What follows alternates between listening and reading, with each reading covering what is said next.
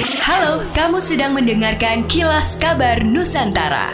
Podcast persembahan KG Radio Network menyajikan berita harian yang mengangkat keunikan dari berbagai wilayah Indonesia. Kilas Kabar Nusantara dapat juga didukung oleh pengiklan loh. Sejumlah sayur mayur di pasar Bersate Manado mengalami kenaikan harga cukup signifikan. Kenaikan harga itu menurut Sri pedagang di pasar Bersate disebabkan oleh pedagang pengepul sayur dari kota Tomohon yang enggan datang lagi karena sempat dipindahkan ke pasar Buha. Adapun kenaikan harga melebihi 50% dari harga biasanya. Seperti diketahui sejak akhir bulan Mei lalu, Sejumlah pedagang sayur sempat mengadakan aksi penolakan terkait surat edaran dari PD Pasar yang hendak memindahkan sejumlah pedagang ke Pasar Buha. Bersyukur kendati mengalami kenaikan harga yang signifikan, pedagang mengaku stok sayur masih cukup untuk beberapa hari ke depan. Sobat Medio, kamu penggemar kisah di balik layar investigasi program Aiman Kompas TV? Penasaran dengan kehidupan Aiman Wicaksono di luar televisi? Simak podcast Aiman Wicaksono, eksklusif dan belum pernah disampaikan olehnya di program Aiman Kompas TV. Persembahan Media Podcast Network by KG Media, Kompas TV, dan Trusted Talent Management hanya di Spotify.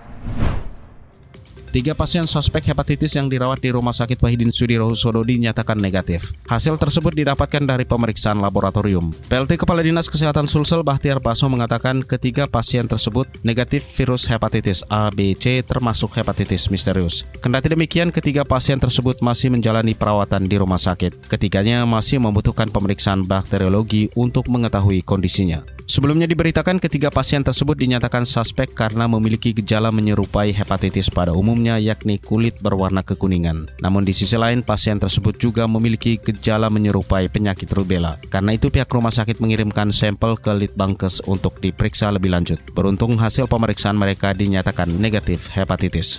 Berdasarkan instruksi Menteri Dalam Negeri Inmendagri nomor 30 tahun 2022, Kota Banjarmasin kini akhirnya berada pada PPKM level 1.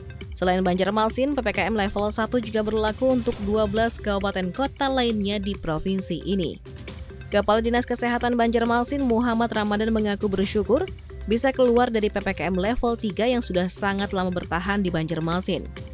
Ia menyebut ada banyak indikator yang menjadikan kota Banjarmasin keluar dari PPKM level 3. Misalnya jumlah pasien yang dirawat di rumah sakit yang semakin turun yang menunjukkan tren COVID-19 juga melandai.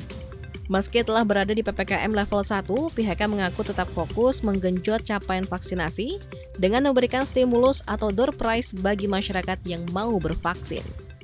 Demikianlah kilas kabar Nusantara malam ini.